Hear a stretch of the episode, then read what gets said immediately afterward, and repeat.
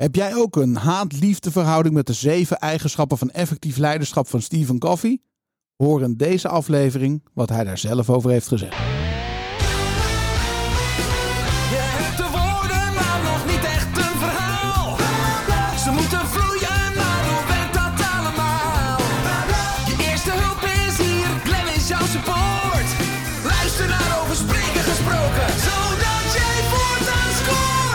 Hallo lieve luisteraar en wat fijn dat je er weer bent. Dit is aflevering 97 van de Over Spreken Gesproken podcast.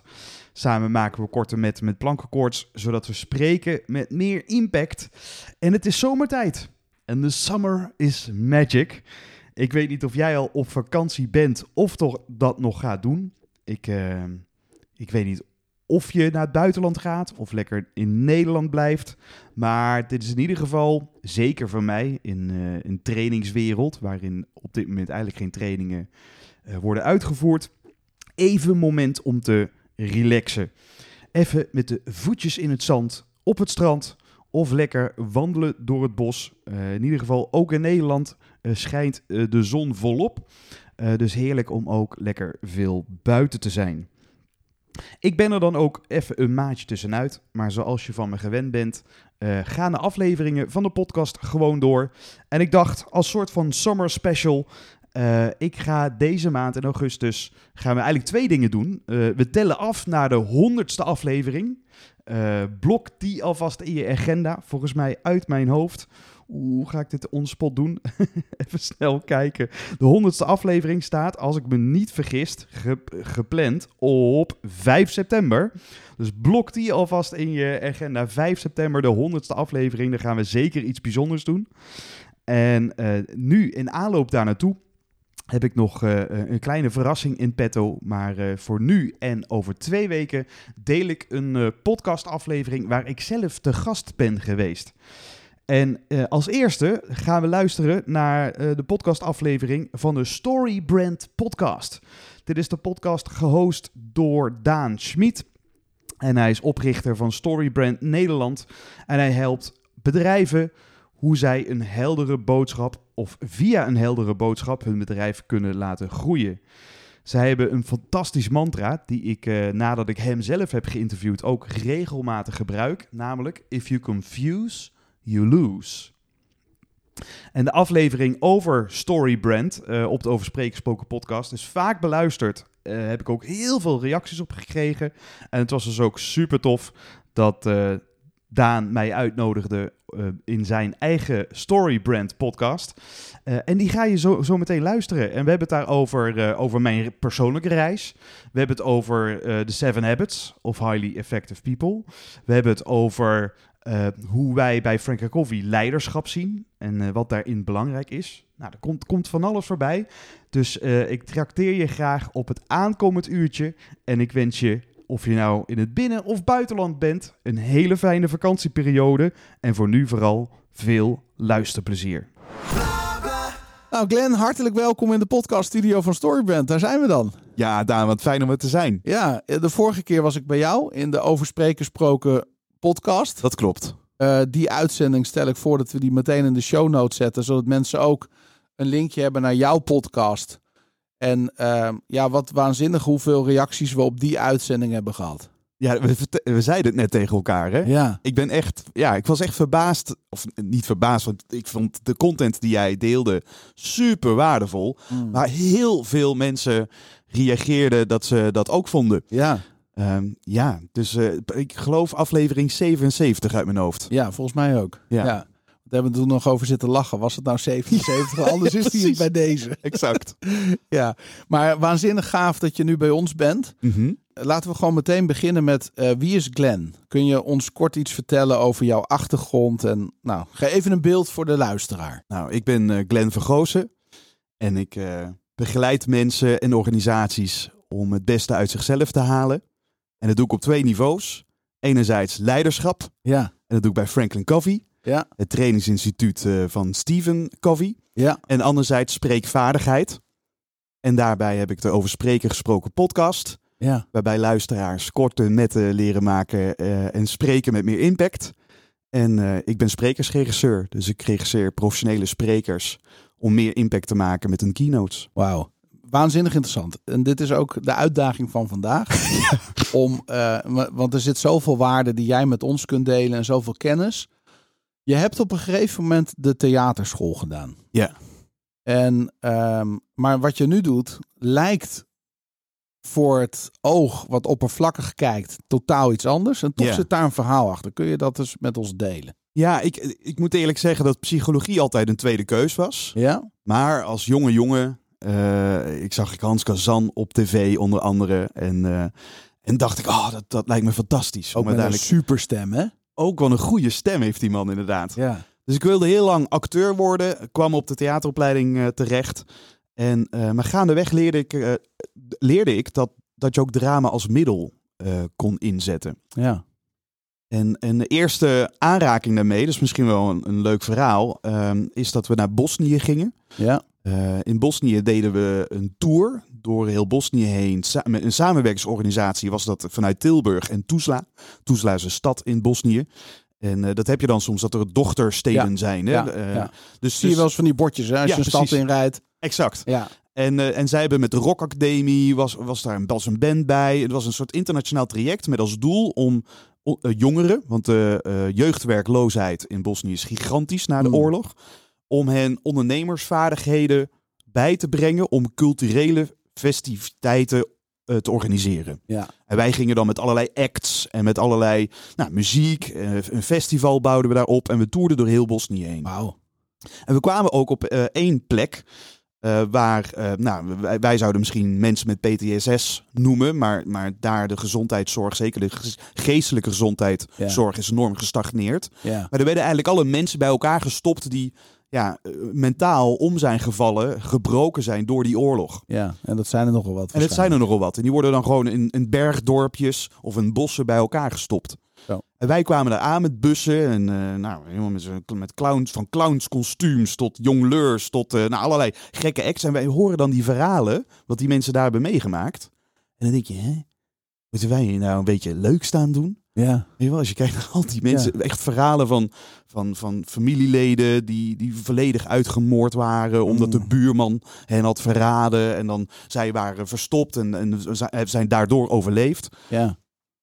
Maar wij gaan er naartoe en ik kan me nog zo goed herinneren dat we zo langs het pad liepen en dat ik naar binnen een blik naar binnen wierp en dat ik ineens een man in een kerstpak voorbij zag lopen.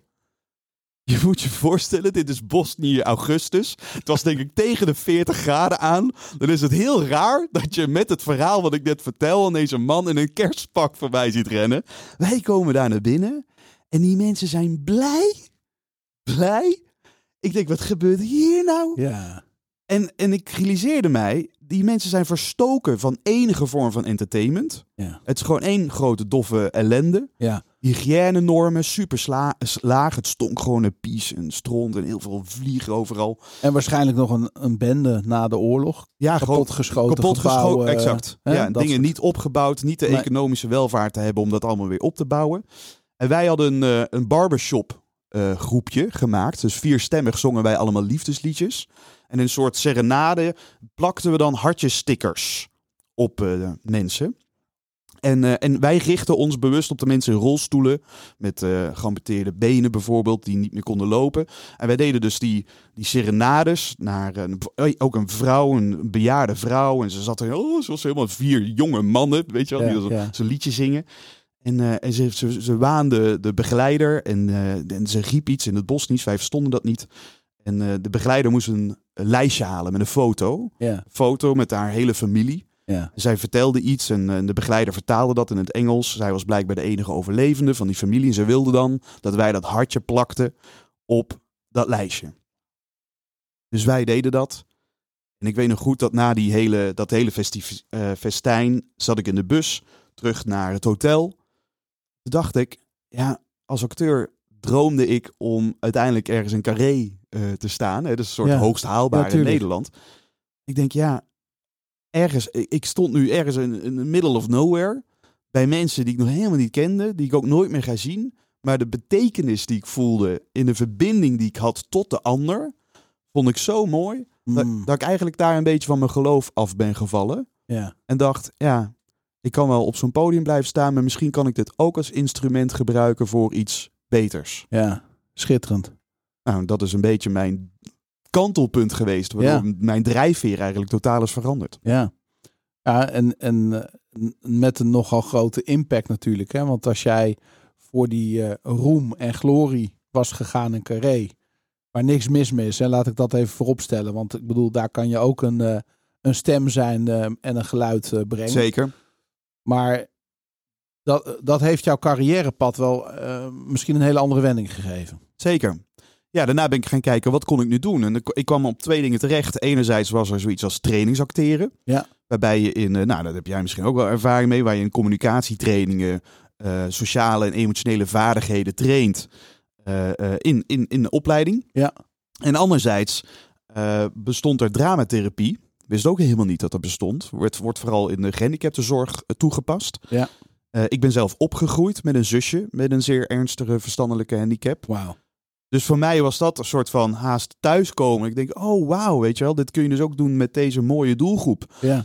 Eh, dus na mijn afstuderen ben ik twee dingen gaan doen. Ik ben als freelancer eh, bij retail, eh, hospitality, heb ik overal als, als trainingsacteur gewerkt, tot Ja. aan de politieacademie aan toe. En anderzijds heb ik theaterwerkplaatsen begeleid met mensen Ja. met, met een beperking. En hebben uiteindelijk ook echt voorstellingen gemaakt met deze doelgroep. Waarvan een aantal spelers zelfs uiteindelijk in eh, nationale eh, eh, musicals eh, terecht zijn eh, gekomen. Bijzonder man. En, dat- dit wist ik nog allemaal niet van jou. dat is dan weer mooi, hè? Ja, je krijgt toch allemaal nieuwe dingen te horen. Ja. En, en ehm, eh, waar zit bij jou het lijntje dat je dan ook vervolgens trainer wordt bij Franklin Coffee? Ja. Ehm, ja, de, de, de, de voorliefde voor, voor zijn werk heeft Ja. natuurlijk een reden. In 2011 werkte ik dus net een jaar als trainingsacteur. En ik, eh, ik zag een keer een trainer. En die vond ik zo inspirerend. En eh, ik ben eh, nadien naar hem toegegaan. Ik zeg, joh, wat moet ik lezen? Wie moet ik kennen? Om zo goed te worden als jij. Ja. En hij noemde twee namen. Hij zei check Tony Robbins. Nou, ook wel bekend. Tuurlijk. Ja. En check eh, Stephen Covey. Ja. Dus ik kocht dat boek, De Zeven Eigenschappen. Ik eh, ben uiteindelijk nog naar Engeland toegevlogen om vier dagen te stuiteren eh, bij Tony Robbins. Met mijn blote voet over kolen heen te rennen. Naar allemaal gekkigheid waarvan ik als nuchtere Hollander dacht, dat ga ik nooit doen.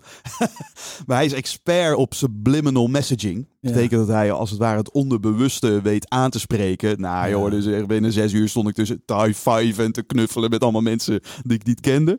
Heerlijk. Dus ik ben, eh, ik ben daarna ook een beetje NLP ingerold. Dus ik heb de NLP Practitioner, de NLP Master bij eh, het IEP, het Instituut voor Eclectische Psychologie, eh, doorlopen. Bij Jaap Hollander en Lucas Derks. En anderzijds, nou, die, die Seven Habits zijn, die was, waren, hebben een grote impact gehad op mijn Ja. leven. ja. Eh, en heel stom, Daan, in 2016 zag ik gewoon een vacature voorbij komen. Ja. Dat ze een eh, fulltime trainer zochten die eh, vanuit de kern van de organisatie mee zou helpen aan de groei. Wauw.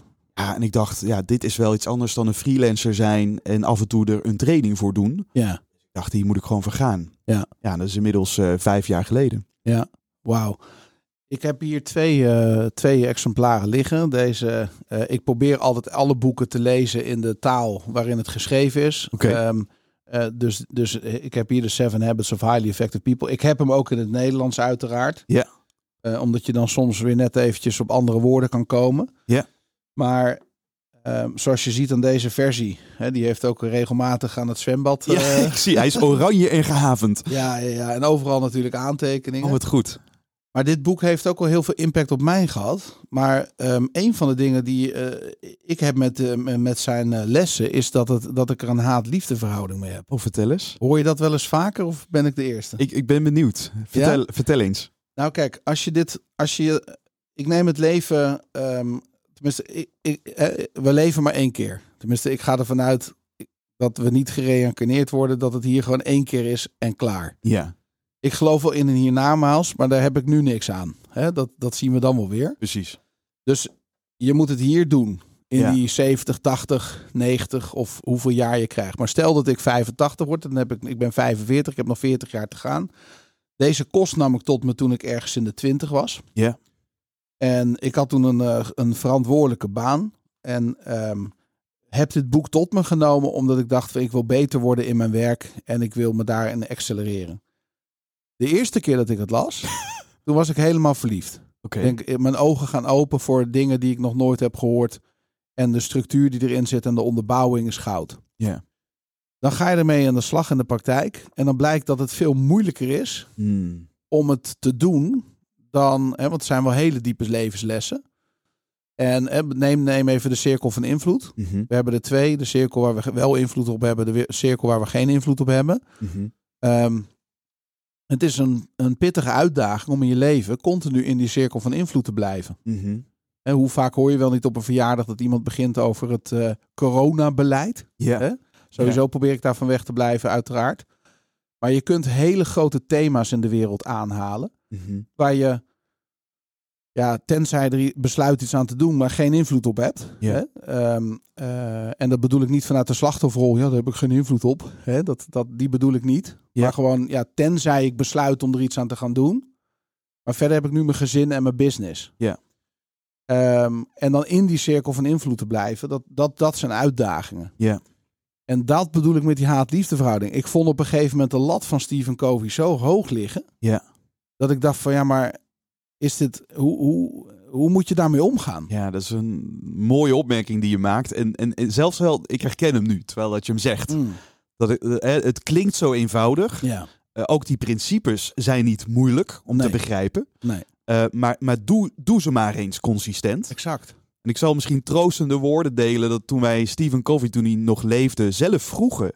Hey Steven, hoe, hoe zou je jezelf beoordelen tussen de 1 en de 10 op die zeven eigenschappen? Ja, Dat hij zei, nou, gemiddeld een 6, wauw. een 7 op een goede dag. Ja, toch? Hè, een 7? Maar dit, dit, dit heb je toch bedacht? Hij zegt, nee, nee, ik heb dit niet zelf bedacht. Nee. Die principes als verantwoordelijkheid, visie, vertrouwen, focus, die bestonden al eeuwenlang. Die bestaan al sinds de mensheid leeft en, en, en, en, en doet.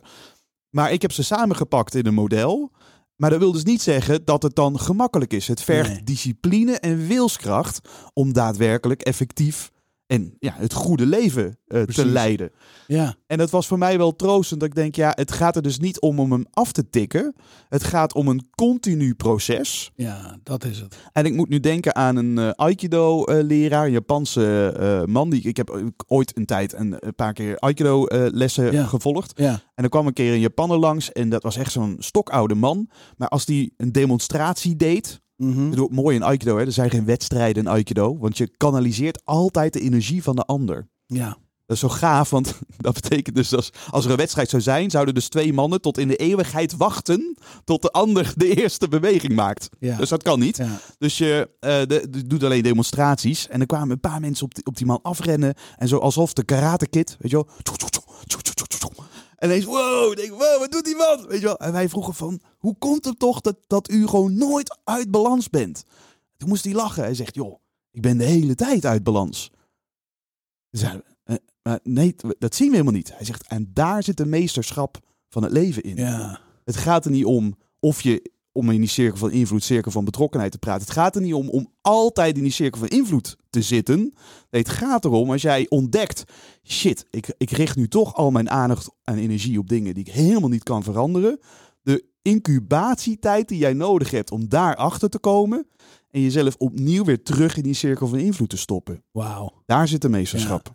Dit is goud. En nu heb je gewoon een antwoord gegeven op een vraag. Ik zal niet zeggen dat ik met die vraag heb gezeten vanaf het moment dat ik in die 20. Dan had ik nu niet hier gestaan. Hè? Maar dit is wel een belangrijk eh, punt. Hè? Dat, dat, dat, dat je dus zeg maar, je legt niet een lat ergens neer, maar je hebt een referentiekader. Ja. En daar kun je altijd op terugvallen. Ja, en dat vind ik, dat maakt het zo fijn om hier ook voor te werken. Dit is iedere dag opnieuw een spiegel voor mezelf. Ja, Om te checken, hey, hoe goed doe ik het eh, Ja. op die zeven eigenschappen. En dan is het een soort kaart om een weg te vinden. En ik vergelijk het heel erg met een soort mentale sportschool. ja, Ja, ik kan wel naar de sportschool gaan en dan hoor ik dan soms ook in de training. Ja, ja die zeven eigenschappen, ja, dat heb ik ooit tien jaar geleden wel een keer. eh, ja, dat ken ik al. Mhm. Maar, ja, maar je hebt niks aan kennis. nee, Kennis is waardeloos als het niet toegepast is. precies. Dus ik kan ook, het zou hetzelfde zijn, naar een sportschool gaan, een machine zien. Ja, dat ken ik al, heb ik tien jaar geleden een keer opgezeten. Ja, Ja, dat heeft dus totaal geen dat effectiviteit. is een mooi voorbeeld trouwens. Dus ik zal dit moeten doen, toepassen dagdagelijks. En daarom Ja. dat het gewoontes of eigenschappen wordt genoemd. Ja, gewoontes worden gevormd in de dingen, de keuzes die wij Ja. dagdagelijks maken. Komt hier ons ook eh, ons onbevredigende eh, drang naar continu nieuwe kennis, een nieuwe inspiratie, en nieuwe boeken en nieuwe ideeën vandaan? In plaats van dat we gewoon zeggen van joh, we hebben, we hebben een aantal dingen. En dat zie ik ook al een beetje. De next shiny object Ja. syndrome. Ja. Hebben de meeste ondernemers trouwens ook last van. Ja. als ik kijk naar de ondernemers die wij soms mogen begeleiden. Ja. Ja, dan heb je iets voor hun opgezet in de marketing. Dat werkt als een tierenlier. Daar verdienen ze geld mee. Maar op het moment dat dat zeg maar, dat wordt dan de nieuwe norm. Ja. En dan willen ze eigenlijk zijn ze al vergeten welke impact dat heeft gemaakt. Hoe hun leven en hun business erdoor is veranderd. En dan willen ze iets nieuws. Ja, ja, is Herken nieuws, je iets dat? al- ja, dat herken ik heel erg. En dit, hier zit ook mijn, mijn gezonde allergie dat ik bewust een tegenbeweging wil maken daarvan. Ja. Omdat ik geloof dat het leven, om in Jan van Zettens woorden te spreken, het leven is verwarrend eenvoudig. Met de nadruk op verwarrend. Maar het leven bestaat gewoon uit bepaalde principes. Als je die kent, Ja. dan wordt het heel, zou je kunnen zeggen, gemakkelijk, tussen aanhalingstekens, want dat is dus heel moeilijk, om een heel goed en effectief, succesvol leven te leiden. Ja. Alleen we zijn zo dopamine verslaafd, Ja. dat alles wat we kennen, ja, dat, dat is dan Bevredigt niet meer. niet meer. Nee. Dan zijn we voortdurend op zoek. En ik moet zeggen, ik, ik sprak een tijd geleden een CEO die me wel enorm inspireerde. Ja. Eh, want ik zat zelf, ik, ik strap hier zelf ook in. Hè? Dus ik ben niet Tuurlijk. roomser dan de paus. Ik, ik voel me ook Nee. een soort veel verraad dat ik toch alweer nieuwe boeken op bol.com ga kopen. Terwijl ik nog een stapel heb liggen thuis. Ja, ja, ja. En toch, oh ja, eh, zo zit die Ja. verzameldrang. En die man zei tegen mij, Glenn, ik, ik, lees, eh, ik, ik lees maar een paar boeken en die lees ik ieder jaar opnieuw. Ja. Toen vroeg ik waarom. Hij zegt, joh, ik je kan liever één boek honderd keer lezen. En echt alle tips die erin zitten toepassen. Dan dat je honderd boeken één keer leest. Ja. En je erachter komt dat bij boek 6 dat je eigenlijk geen idee meer hebt wat in boek 2, 3 en 4 Nee. stond. Sterk punt. Heel sterk punt. Ik, ik, ik vind het een heel belangrijk punt. Als je nu kijkt hè, naar de trainingen die jij geeft. Want je staat soms wel drie, vier dagen voor groepen.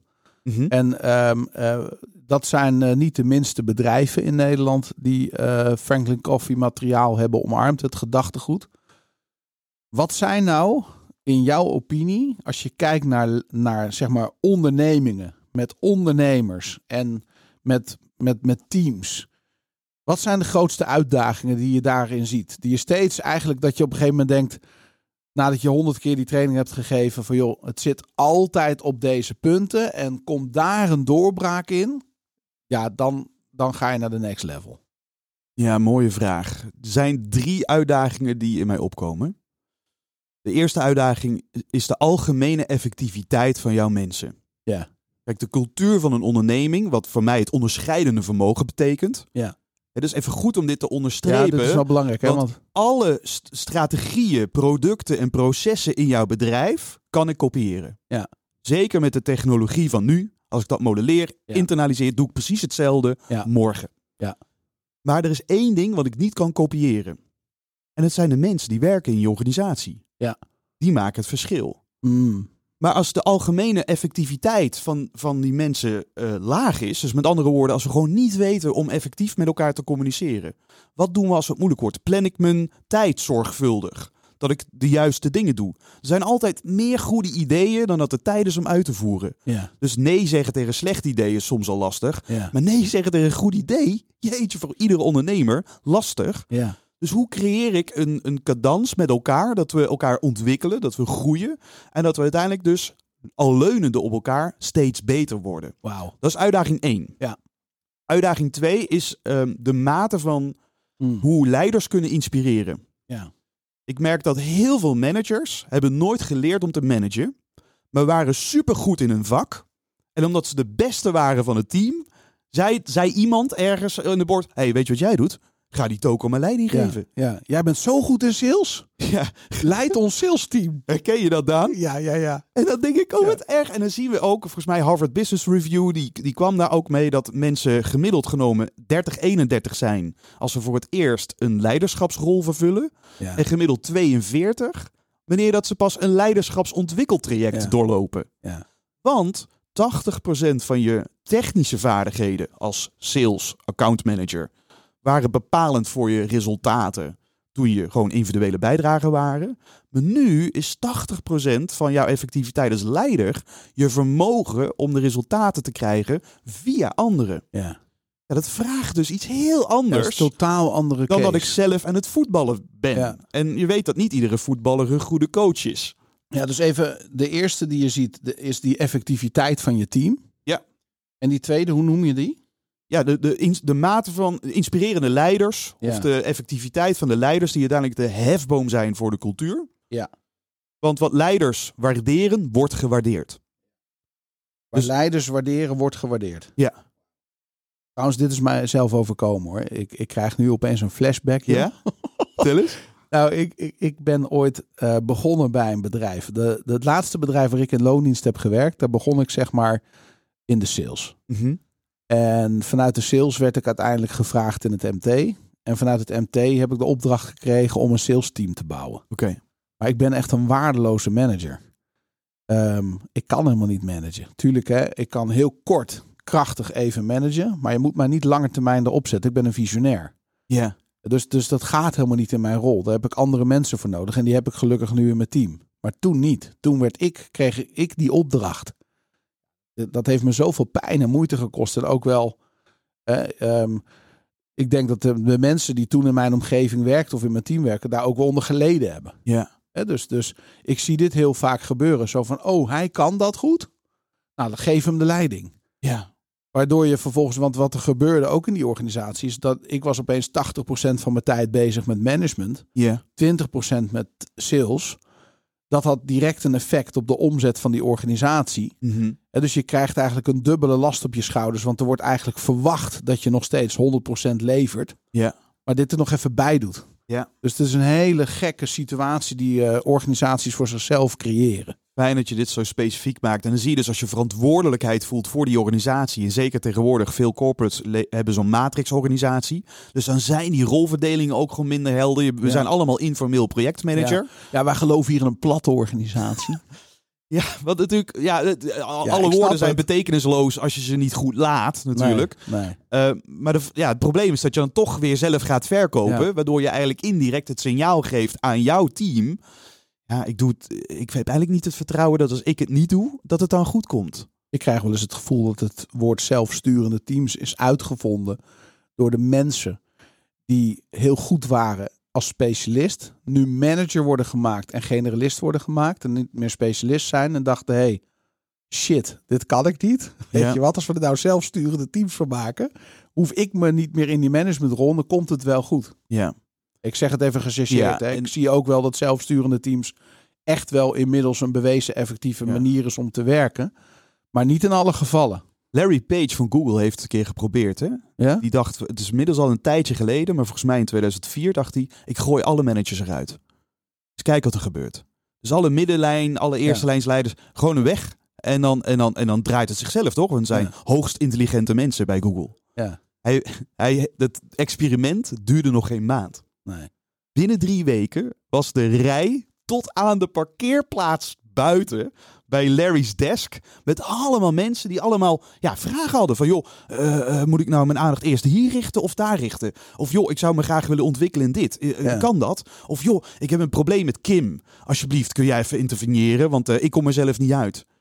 En hij dacht, shit, die managers, die, wij moeten niet onderschatten wat de rol en effectiviteit is van die mensen binnen een organisatie. Mooi.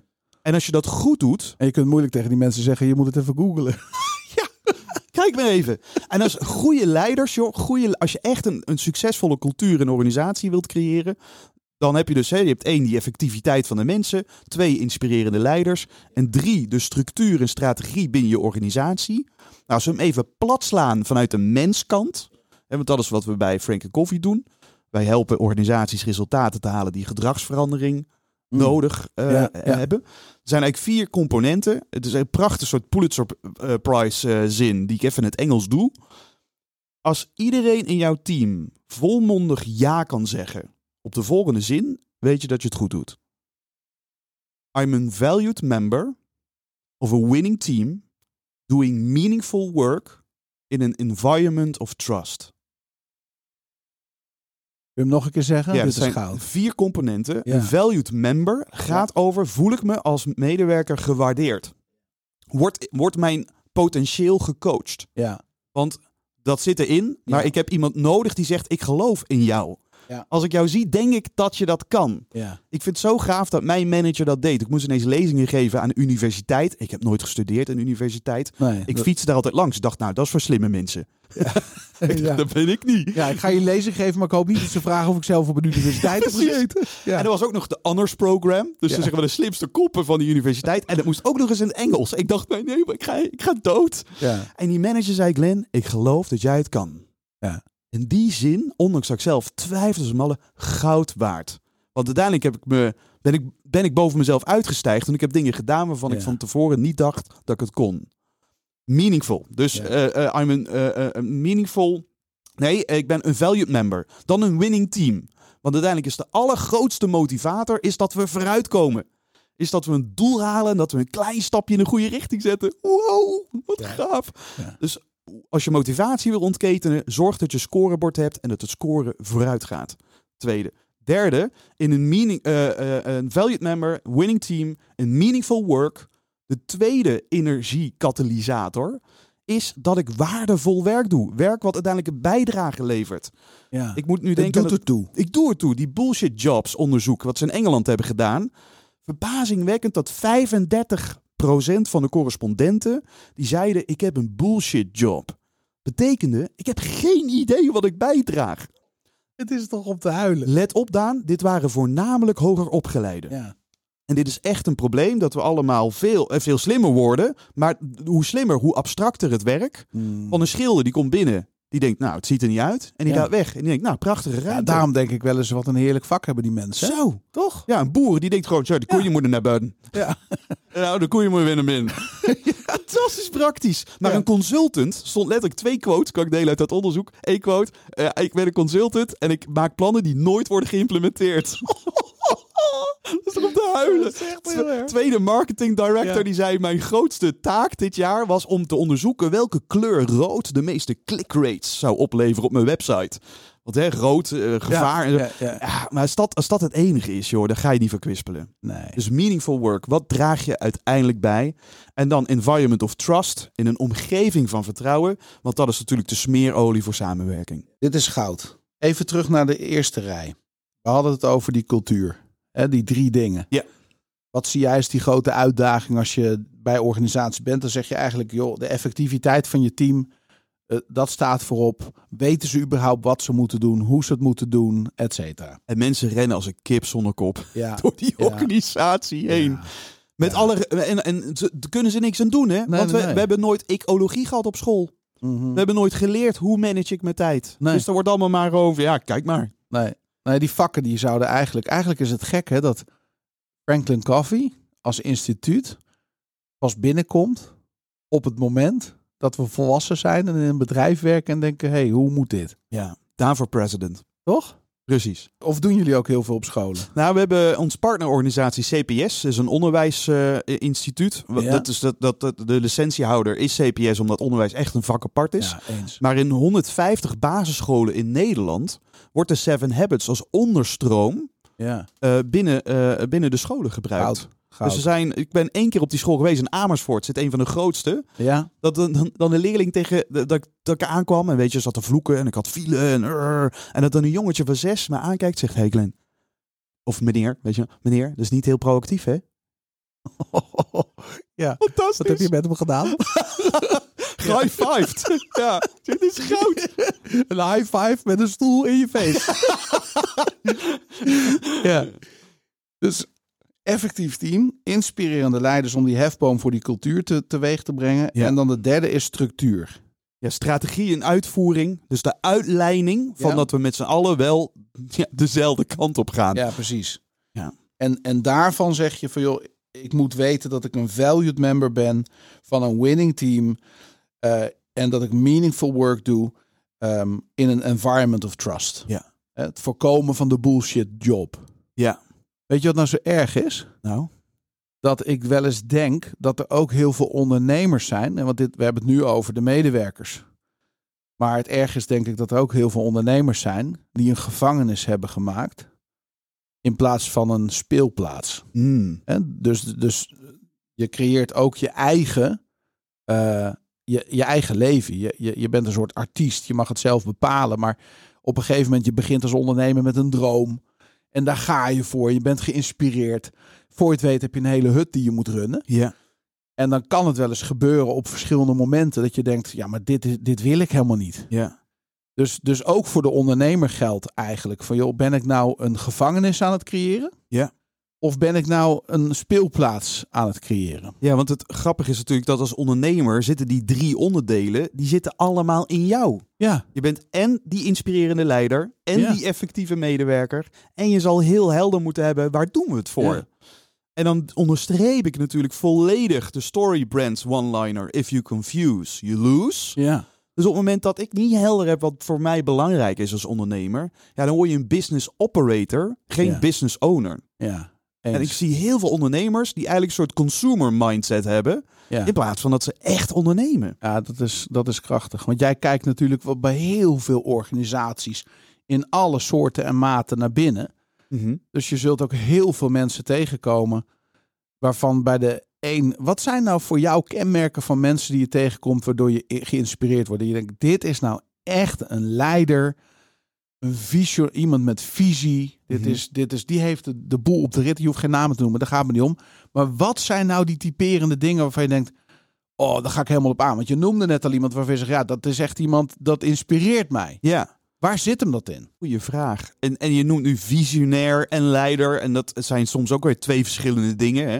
Ja, Eh, Dus daar, bij Steve Jobs was volgens mij een fantastisch visionair. Niet zo'n goede manager. Nee. Eh, maar die, die kwam ook terug bij Apple met als rol... joh, ik moet niet gaan managen, Nee. maar ik moet die visionair zijn. Ja. Stephen Covey heeft dat ook gedaan. Toen Franklin Covey als instituut werd opgericht... kwam hij heel snel erachter... ik moet geen CEO worden nee. van dit instituut. Ik wil gewoon de wereld rondreizen en Ja. lezingen doen. Ja. Dus het, het, begint gewoon met heel goed snappen... uit welk hout je bent gesneden. Ja. Waar bij jou de energielek of Ja. juist de energiekatalysator is. ja, dat is een goeie. Dat gaan verfijnen. Dat gaan maximaliseren. Ja. En vooral als ondernemer heb je de vermogen om gewoon uit te besteden waar je niet goed in bent. Ja. Om dat vooral samen met andere mensen te doen. Ja. Dan wel freelance, dan wel dat je groeit als, eh, als bedrijf. En de mensen die ik heel inspirerend vind, die doen een paar dingen. Die ontspannen. Ja. Hmm. Dus die hebben het vermogen om te vertragen Ja. voordat ze versnellen. En het zijn mensen die met mij een verbinding maken die ik voel. Ik denk, ja, jij ziet mij.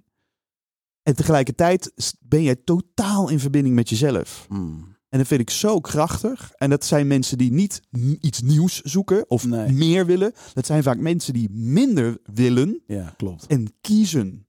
Ja. Want alles kan. ja. Maar alles heeft een prijs en je kan nooit alles tegelijkertijd doen.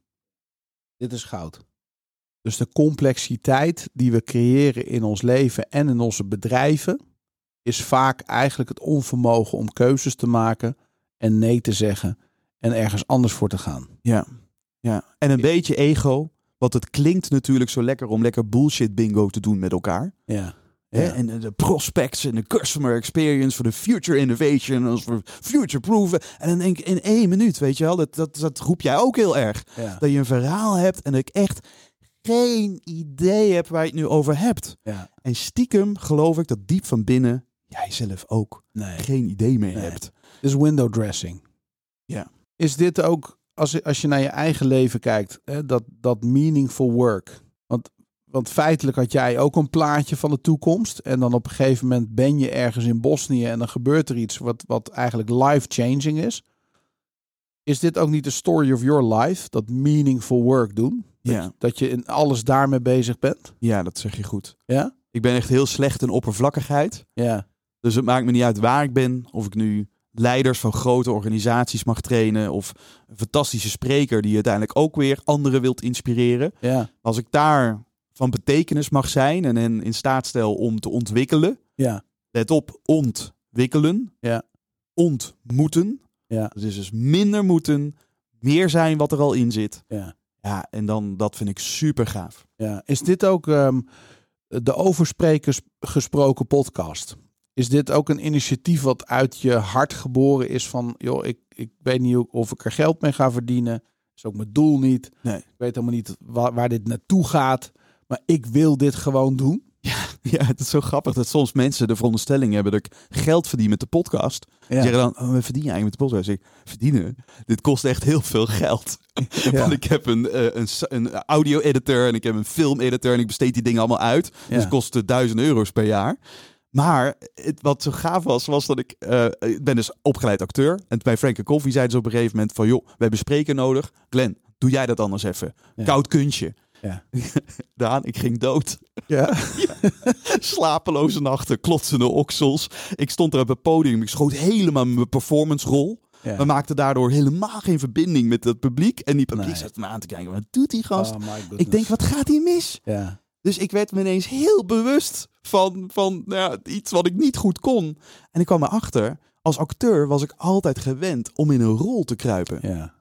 Ik en was, het laatste wat je moet doen op het, op het podium is dat. ja, als je als spreker dat, dat Ja. doet, dan ben je af. Ja. Terwijl, ja, en, en er was een regisseur, dus alles, niks was, aan het Oh. toeval overgelaten. Ja. Dus ik kwam erachter dat spreken echt een ander vak is Mm. dan acteren. Ja. En vanuit daar groeide mijn nieuwsgierigheid. Hoe doen die beste sprekers van Nederland Ja. dat nou? Ja. Wat kan ik doen om korte met te maken met plankenkoorts en te Ja. spreken met meer impact? Ja. Ja, en dat ben ik als experiment gaan doen. Ik ben die beste sprekers allemaal gaan interviewen. Tot jeugdheld Hans Kazan en toe. Ja. Ja, en ik dacht, ik zie wel wat er dan verder gebeurt. Nou, we zijn inmiddels drie jaar verder en het is een beetje uit de klauwen gelopen. Ja. We, we streven de, naar, gaan richting 90 afleveringen en met eh, duizend luisteraars per week. Eh, ja, is het nu ineens een soort community geworden met mensen die, ja, die, die elkaar inspireren om hun verhaal te kennen, dat over te dragen aan anderen en uiteindelijk daarmee de wereld eh, een beetje leuker, mooier of effectiever te maken. Ja, schitterend. En, en het is zo'n belangrijke skill om te leren. Spreken, Ja. ja, spreken en luisteren en eh, ja. Ik moet erbij zeggen dat, dat uiteindelijk je kan niet honderd afleveringen maken wat alleen maar over presenteren gaat. Nee. Dus het gaat uiteindelijk gewoon over mensen die afhankelijk zijn van hun sociale emotionele vaardigheden. Ja. Dus of je nou account manager, manager, spreker of nou, eh, wat jij ook doet, eh, Daan. eh, Ja. Deze podcast bijvoorbeeld. Ja. Ja. ik voel nu een verbinding met jou. Ja. Ja, je had me ook gewoon vragen kunnen stellen zonder die verbinding. Ja. Maar dan had ik andere antwoorden gegeven. Klopt. En Ja. dat, dat niet tastbare, want een verbinding kan ik nu niet vastpakken, kan het niet Nee. ruiken Nee. Of vertrouwen. Hè? Ik kan nog zo'n goed idee hebben als leidinggevende. Als die ander me niet vertrouwt, Mm. dan valt mijn invloed weg. Ja. En die niet tastbare zaken, Dat is wel een sterk punt. dat vind ik, dat vind ik zo fascinerend aan de mens. Ja. Nou, en daar zit ook mijn persoonlijke drijfveer om dat te Ja. onderzoeken. Ja, ja heel mooi. Dus ehm, waar kan de luisteraar naartoe om jouw podcast te horen? Dat kan eh, op een favoriete podcast-app, op Maakt Spotify, op Ja. YouTube staat het, eh, wat ze willen. Ja, en het is de overspreken gesproken podcast. Hè? Check. Ja, gaaf. Nou, wat, wat, wat mij opviel is dat we die verbinding ook ervoeren toen we elkaar voor het eerst ontmoeten. Ehm, via via zijn we aan elkaar geïntroduceerd. Kwam ik als gast bij jou in de podcast in Amersfoort. Trouwens op een prachtige locatie. Ja, in het leerklooster in Ja. Amersfoort. Ja, schitterend. Was ook een mooie dag. En eh, jij nam ook de tijd. Hè? En, en ik weet nog dat we de opname aanzetten en zeiden van ja, de afgelopen anderhalf uur hadden we ook kunnen opnemen. en dat gaat altijd zo. Maar ehm, ja, dat vond ik ook een hele mooie. Dus jij weet zelf ook hoe je die verbinding moet maken, mensen het podium moet geven. En het was een gesprek. Mhm. En dat is natuurlijk wel een vaardigheid die we nodig hebben. Want ik denk, heel vaak denken wij bij spreken, ja, maar ik ben geen spreker. Of eh, ik sta niet op een podium. Ja. Maar op het moment dat je één op één gesprekken voert, op het moment dat je presentaties wel eens geeft, hè, bijvoorbeeld vanuit de verkoop of aan klanten of aan een team, die skill om ehm, eh, dienstbaar te zijn met je woorden en met je voordracht en hoe je dat doet, is echt wel iets wat mensen nodig hebben om te leren. Ja, dat zeg je mooi. En het is, maakt dus niet uit of je bij de klant bent, of je intern een meeting hebt, of dat je gewoon zegt tegen je vrouw of man: Ik hou van je. Ja, Spreken en ook luisteren, wil ik er weer bij zeggen. Luisteren, het vermogen om te luisteren geeft je de geloofwaardigheid om ook gehoord te worden. Ja. Dus dan komen we terug op eigenschap 5 hè, van die zeven eigenschappen. Ja. Eerst begrijpen, dan begrepen worden. ja, Dus dat vind ik wel een belangrijke disclaimer. Ja. Maar als je die principes toepast en je verbinding groeit, Mm. mooie is dat dan niet alleen de verbinding groeit, de ander jou leuker, geloofwaardiger vindt, maar ook je invloed groeit. Ja. Dus op het moment dat je dan uiteindelijk iets gedaan wilt krijgen, of dat nu een sale is of nou, een knuffel, Ja. Ja. Mijn leven wordt er gewoon fijner en mooier van op het moment dat we dit beter doen. En Ja. ik zie helaas om me heen heel veel mensen die hiermee struggelen, die hier last van hebben, die verzanden in eh ellenlange PowerPoint slides, omdat ze denken, ja, als ik maar al mijn kennis overdraag, dan zal het vast wel goed komen. Ja, ja, en dat doet het niet. Eh, automatisch. Ehm, maar even naar. eh, ik wil gaan naar het laatste onderwerp van deze podcast, waar ik nog heel benieuwd naar ben. Ik denk dat 9 van de 10 luisteraars zichzelf disqualificeert als spreker. Dat, dat denk ik. Omdat ik. hè, eh, spreken in het openbaar is een van de grootste angsten die we als mens hebben. Dus, dus alleen al vanuit dat principe durf ik wel zo'n statement te maken. Dat we denken van joh, maar ja, dat is niet voor mij. Ja. Ehm, we leren het ook misschien niet zo goed. Als ik naar de Amerikaanse cultuur kijk, daar leren mensen al van jongs af aan presenteren. Amerikanen hebben sowieso vanuit de cultuur al een aantal waarden mee die helpen om in het openbaar je zichtbaar te maken, je kop boven het maisveld uit te laten steken. Ja. Ehm, voor al die luisteraars, hè, voor, voor, voor mij als luisteraar, als ik nu denk en ik luister naar Glenn en ik denk, ja, maar ik moet morgen een presentatie geven. Of ik eh, sta ook wel eens voor het team. Of ik heb juist wel het verlangen om meer ehm, ehm, mijn stem te laten horen. Ja. Even naar de praktijk. Ja. Jij komt soms in één week bij drie of vier bedrijven over de vloer waar je training moet geven. En ik kan me zo voorstellen, ook vanuit mijn eigen ervaring zeg ik dit, maar corrigeer me als ik het verkeerd zie.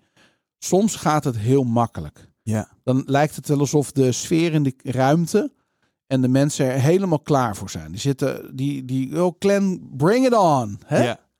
Dus het is ook een, een, een, een, een eh, zeg maar, een, er zit ook een symbiose tussen de mensen, de toehoorders en de spreker. Ja. Maar er zijn ook momenten, of door waar je zelf uithangt op dat moment, of door de weerstand die je al voelt in die ruimte. Je zei net, verbinding maken is absoluut cruciaal. Want je kan wel kennis gaan droppen, maar dat gaat niet de effectiviteit hebben. Dus op het moment dat jij voor zo'n groep staat, Ja. want dit is denk ik voor de, voor de luisteraar super interessant. Hoe maak jij, en ook al is het niet helemaal tastbaar en grijpbaar, maar wat, wat kan ik doen om de verbinding te maken? Oké. Let op. Dit is gaaf.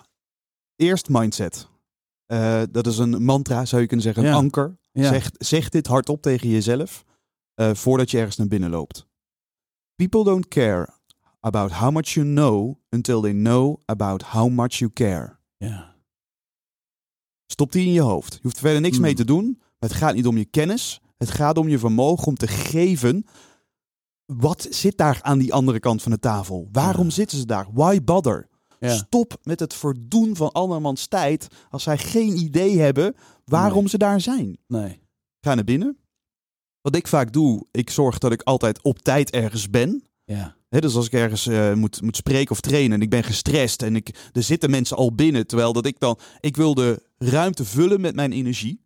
En dat doe ik soms letterlijk door alle hoeken van een zaal af te lopen. Ja. Dat vind ik heel fijn, want dan Ja. heb ik alsof ik dus Dat alsof is jouw ik- domein. ja, alsof ik als het ware een soort, ik own nu een beetje de ruimte. Ja. En ik ga ook altijd zitten op de stoelen van de deelnemers. Mm. Dus ik ga zitten op verschillende stoelen en kijk, oké, ik zie mezelf dan daar staan. En denk, Mm. oké, dit is wat ze dadelijk zien. Ja. Klopt dat een beetje? ja. Dus vanuit het perspectief van de deelnemer. Hoe voelt het hier? Hoe voelt dat hier? Mm. En dat helpt ook al om dadelijk als ik dan spreek, om daarmee te connecten. Nou, dat is als voorbereiding. Ja. Ook voorbereiding, eh, dat heb je nodig, eh, zodat je het niet meer nodig hebt in het moment. Ja. Dus ik zie heel veel sprekers voor een lezing nog lopen met een blaadjes, Ja. met een tekst. Niet Ja. doen! Nee. Ik help mensen zo snel mogelijk van die blaadjes af. Spreek het in op je voice recorder. Luister het terug. Maar die blaadjes heb je dadelijk niet als je voor die groep staat. Nee. Dus je moet zo snel mogelijk van die blaadjes af. Nu komt het moment suprem. Je staat of je zit, gelang de situatie. En de allereerste stap is verbinding met jezelf. Mm. En verbinding met jezelf maak ik praktisch gezien door ademhaling, door zuurstof. Ja. Want zuurstof is het vermogen om dat, dat brein, wat op een gegeven moment in een soort eh, fight, flight, freeze mode schiet, om, om die amygdala te doen ontspannen. Mm. Zodat die kleppies, die bovenkamer open gaat, zodat je ook weer kan verbinden met het publiek. Ja. Dus ik ga zitten of ik ga staan. Niet meer zelfbewust. Ik hou even mijn mond. Kijk. Ik heb een vermoeden van een glimlach. Overdrijf nu een beetje, dan in het echt gaat subtieler. En dan zeg ik goedemorgen. En dan voel je dat ik ineens een andere energie heb dan als ik meteen begin. Meteen begin met content schieten. En bijvoorbeeld gisteren deed ik toevallig een training en ik wist dat mensen binnenkwamen met mixed feelings. Want het was een verplichte training. Het was zo'n nummertje, ja, ja, Ja. ik moet. En de eerste vraag die ik stelde is, jongens, die werden vanochtend wakker. Je wist, ik ga niet naar kantoor. Als eerste stap, ik ben even benieuwd. Hoe zitten we hier? Dus voordat ik ga vertellen wat ik ga doen, wat mijn belangen zijn, meteen die verbinding maken tot die ander. Wauw. Vertel eens even, hoe zit je erbij? En het feit dat ze dat konden benoemen en ik dan empathisch ben, daarnaar luister, dat begrijp. Jeetje, wat een vervelende situatie. Eén één manager had een enorme onderbezetting, heeft twee Hmm. mensen tekort, dus die zit daar met spanning. Ja. Want er wordt nu Stress. werk niet gedaan. Ja. En een ander die heeft nu net een nieuwe eh, implementatie van een nieuw CRM-systeem. En het loopt nog allemaal niet lekker. En, Ja. eh, en dit is wat fijn wat, dat ze dat even met elkaar kunnen delen. En dus dan heb ik eerst verbinding gemaakt met mezelf. ja. Daarna heb ik verbinding gemaakt met die groep. En als dat gedaan is, dus als ik ga pas door, ik ga die inhoud pas in als dat er is. Mm. En dan is de derde stap de verbinding met mijn boodschap. Wauw. En dan draai ik me om en zeg ik, jongens, we zijn hier voor. Nou, en dan gaan we los. Dit is goud. Ja? Ja, dit vind ik goud. Want ik, ik sta natuurlijk ook veel voor groepen. Nou, dat rondje in die zaal doe ik niet. Dat ga ik vanaf nu doen. Ik zie meteen de energetische waarde daarvan. Ja. Die stoelen ga ik ook doen. Dus dat ga ik sowieso al overnemen van je. Dat vind ik goud. Oké. En ook ehm, die laatste, die gebruik ik wel veel van. Joh, hoe zitten we hier? En eerst even op dat menselijke niveau. Niet in hun rol, niet in mijn rol. Ehm, en je merkt dat het werkt. Ik vind het ook heel bijzonder vervelend. Ik had laatst een training en ehm, die locatie ging niet eerder open dan het tijdstip wat we met de klant hadden afgesproken. Hmm. Dat was even mismanagement aan onze kant, hè? want normaal controleren we dat natuurlijk Ja. uiteraard. Dat was nu eventjes een aanname van ons, want we zijn gewend dat al die locaties eigenlijk wel vroeger open zijn dan het eerste moment van, eh, van, eh, van trainen.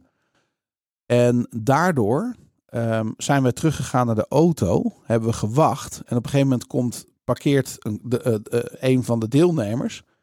En, of twee van de deelnemers. En die liepen al naar binnen. Dus die zaten al in de ruimte voordat het mijn ruimte was geworden. Ah, ja. Ik krijg dat niet meer goed. Nee? Nou, Wat, hoe voelde dat dan? nou, ik krijg het wel goed, tuurlijk. Maar dat kost wel heel veel energie. Energetisch, ja, dus, dus dat vraagt iets voor jou daarna. Wat, want wat ik kun je wil ons die ruimte. wat er gebeurde dan? Nou, op het moment dat ik dan binnenkom, dan ehm, eh, ben je niet meer vrij. Hè, want je wil die vrijheid dat je binnenkomt in die ruimte en dat je even alle materialen kan neerleggen, een soundcheck kan doen, de host nog even wat vragen kan stellen. Je bent aan het, hè, je- er zit een soort voorbereidingsfase. Ja. En dit klinkt misschien een beetje gek, maar ik wil, I own that place. It's my place ja. ik, ik, ik krijg het niet altijd voor elkaar met grote bedrijven, maar ik zeg altijd: zorg dat deze training niet bij jou op kantoor wordt gegeven. Oké. Hè, want dat is sowieso goed voor het creatieve brein. Want als ik dat niet doe, dan krijg je mensen die zeggen in de pauze: ja, ik loop nog heel even naar mijn bureau. Ja. Ja. Ga nog heel even een mailtje beantwoorden. Ik ben Ja. zo terug. Hoe laat, eh, tot hoe laat duurt de pauze? Weet je, dat krijg je dat soort geneuzel. Herkenbaar. Dus ehm, hier heb ik gezegd van jongens, doe gewoon even lekker je ding. Eh, we gaan even wat later starten. Nou, geluk bij een ongeluk. Twee van de andere deelnemers hadden gezegd dat ze ook een half uur later kwamen. Excuses daarvoor. Nou, dat half uur heb ik gebruikt om het weer even naar mijn hand te zetten. Ja. Maar ik moet daar gewoon als eerste binnen zijn. Ja. Ik wil gewoon eerst gewoon even zorgen dat die sfeer bepaald wordt. Ja, dus je herkent dat heel erg. Ja, ken- herken ik heel erg. En die volgordelijkheid heeft mij heel erg geholpen. Dus eerst connectie met mezelf, Ja. daarna met het publiek, daarna Ja. met de boodschap. Ja. En wat ik doorgaans zie is dat mensen dat precies andersom doen. Ja. Dus ze beginnen met die boodschap. Want, oh, ik heb, ja, dat, moet ik, dat moet eruit. Ja. Dan gaan ze vaak veel te snel. Gaan ze een soort van als een mitrailleur zo die, die content eh, spuien. Ja. Daarna hopelijk een beetje connectie met het publiek. Want dan zijn ze heel erg gefocust op het publiek. Want dan zie je een paar mensen uitchecken. Oh shit, oh die pakt de telefoon. Oh nee, oh nee, oh nee, oh nee. En ze zijn dus helemaal niet in verbinding met zichzelf. Ja, en daar, hè, misschien wel door al die ervaringen. Want we zijn er allemaal een keer geweest. Ja. Worden we zelf Spaans benauwd. Ja. Als we zelf een keer moeten spreken. Klopt. Want we hebben het allemaal een keer een soort van sympathie gehad. Ja. Van oh, haal die man hier weg. Maar Ja. er is een oplossing. Het fijne is, het is een vaardigheid die je kan leren. Mm. En die podcast heeft dus ook mij heel erg geholpen om nu met veel meer ontspanning eh mijn toehoorders toe te spreken. Ja, dit is goud. En jij traint ook mensen hierin, hè? Ja, als sprekersregisseur heb ik professionele sprekers. Ja. En wat misschien wel gaaf is, is dat de mensen die geen professionele spreker zijn, maar toch benieuwd zijn eh, wat de lessen zijn uit de podcast. Ik heb een eh, gratis online training op www.desprekersregisseur.nl. En dan eh, leer je eigenlijk de negen beste lessen van de eerste twee jaar over spreken gesproken podcast. Dat is al goud. En wat je net zegt, Glenn, is misschien wel voor ons allemaal een van de belangrijkste lessen in het leven. Want je zegt net namelijk van oké, je kunt het leren, het is een vaardigheid. En wat wij vaak denken in ons hoofd, is dat iemand geboren is als leider, geboren is als spreker. Hè, dus ja, Ja. dat zit gewoon in jou, dat Ja. past echt bij jou. Het klinkt als een compliment, maar het is zo'n grote disqualifier voor jezelf. Ja. Het is, it takes practice Ja. to make something look easy. Oh, En dat is belangrijk. Dus ik vind dat eigenlijk wel ook weer, als je het hebt over een gevangenis of een speelplaats, haal jezelf ook uit de mindset, zeg, zeg ik tegen je als luisteraar, dat eh, ja, die Glenn die heeft een hele mooie stem. En je hebt een hele mooie stem, hè? Eh, of die Glenn die kan zo goed het vertellen. Maar dat is eigenlijk een disqualifier naar jezelf. Je mag Ja. iedereen complimenten geven, maar realiseer je, oefenen, oefenen, oefenen. Ja. Hè? Dus, dus eh, we hadden het straks over ehm, eh, Aikido heet het. Ja. Ehm, Karate Kid noemde je eventjes. Ja. Die films zijn natuurlijk uit onze jeugd. hè? Maar eh, daar zie je ook, it takes practice to make something look easy. Ontzettend, Ja. ontzettend. En ik ben heel blij dat jij misschien wel de grootste mythe aanstipt voor zowel spreken als leiderschap. Ja. Bij leiderschap denken we dat, leiders, dat, dat leiderschap een positie is. Nee, het is geen positie. Het is een keuze. Ja. Het is een keuze om te leiden. En ik zie soms in organisaties mensen die geen managementpositie hebben, maar wel veel meer invloed. Want dat is leiderschap, is Ja. invloed op jezelf en Eens. op anderen. Hebben dan de formele manager. Dus mooi. neem de keuze om te leiden. En bij eh, spreken denken we altijd van, nou, die charismatische leider, zo, dat is aangeboren. Nee, is aangeleerd. mooi. Je kan op Google of op YouTube kun je terugkijken. Barack Obama, toen hij nog, toen hij nog gouverneur was. Ja. Toen echt nog, eh, de, en dat is toch wel een van de beste sprekers die we kennen momenteel, Ja. Barack Obama. Ja. Nog ver voordat hij eh, president werd. Nou, jongens, dan zie je dat die man ontzettend veel geleerd heeft. En dat hij niet een geboren spreker was. Nee. Daar zit gewoon heel veel voorbereiding in. Heel veel kilometers maken, Ja. zoals je zegt. Ehm, Mooi. Laatste vraag die ik aan elke gast stel. Oké. Is welk boek heb je recent gelezen of ben je aan het lezen waardoor je enorm geïnspireerd bent? Eh, nou, er is eh, een boek die ik eh, vorig eh, jaar heb eh, gekocht. En die, die ik echt, oh, die, waar ik echt van heb zitten smullen. Dus die gun ik de luisteraar ook. Dat is een eh, boek van Robert Greene. Ja? De 18 wetten van de menselijke natuur. Oh, wauw. Interessant. Dikke, is dat een dikke Ja, pil? dat is echt een enorm Ja. dikke pil. Maar Ja. dat komt ook omdat hij de vak van storytelling Ja, echt beheerst. ja. Dus er zitten allerlei verhalen van, eh, van, van, van Griekse, Griekse oud-leiders tot Tsjechov, een eh, bekend toneelschrijver. Dus hij schrijft heel veel verhalen en koppelt daar dan uiteindelijk zijn principes aan. Hij is bekend ook van de 48 Law, eh, eh, eh, Laws of Power. Ja, Eh, eh, en er wordt, zijn kritiek is dat hij soms een beetje Machiavelliaanse gedachtes heeft. Hè? Dus eh, Ja. hoe, het doel heiligt alle middelen. Hoe kun je misschien eerder manipuleren dan beïnvloeden? Eh, doch, dat is niet zijn uitgangspunt. Hij zegt van weet dat mensen je op die manier manipuleren. En op het Ja. moment dat jij dat weet, ja. ja. dan kun je het ook ontmantelen. ja. En het boek was echt, ja, een- een- een- ondanks een dikke pil, een fantastisch boek. De 18 wetten van de menselijke natuur. Heerlijk. Dankjewel Glenn. En was leuk. Ik, ik zou zeggen eh, tot de volgende keer. Vet. Ben jij marketeer? Of heb je een marketingbureau? Ga dan naar storyband.nl, naar de pagina gids certificering en meld je aan voor onze gratis infosessie die we elke 14 dagen geven. Tijdens deze infosessie hoor je alles over de Storyband gidscertificering. Een uniek keurmerk, certificaat, trainings- en opleidingsprogramma voor marketeers om te zorgen dat ze hun klanten nog beter kunnen helpen middels het Storybrand Framework. Storybrand.nl slash gids-certificering. Nou Roland, dat was er weer eentje voor in de boeken. Nou hè? Heerlijk toch? Ja, zeker. Ik heb echt genoten van Glenn. Dit was echt een, eh, het gesprek. Ik was even aan het zoeken van, hé, hey, waar gaat het heen? Mhm. Toen we het hadden over Bosnië. Ja. Maar wat een prachtig begin eigenlijk om de rest van de podcast te hebben over waarde. ja, en dat daar je drijfje dan vandaan omdat die zo veranderd is. Die zag ik niet aankomen. Jij? Nee, ik, ik, eh, toen hij dat aan het vertellen was, dacht ik van, hé, wa- waar zou dit nou heen gaan? Hè? Ja. Wat, wat zou, wa- Ik waar, is, ook hoor. waar is George?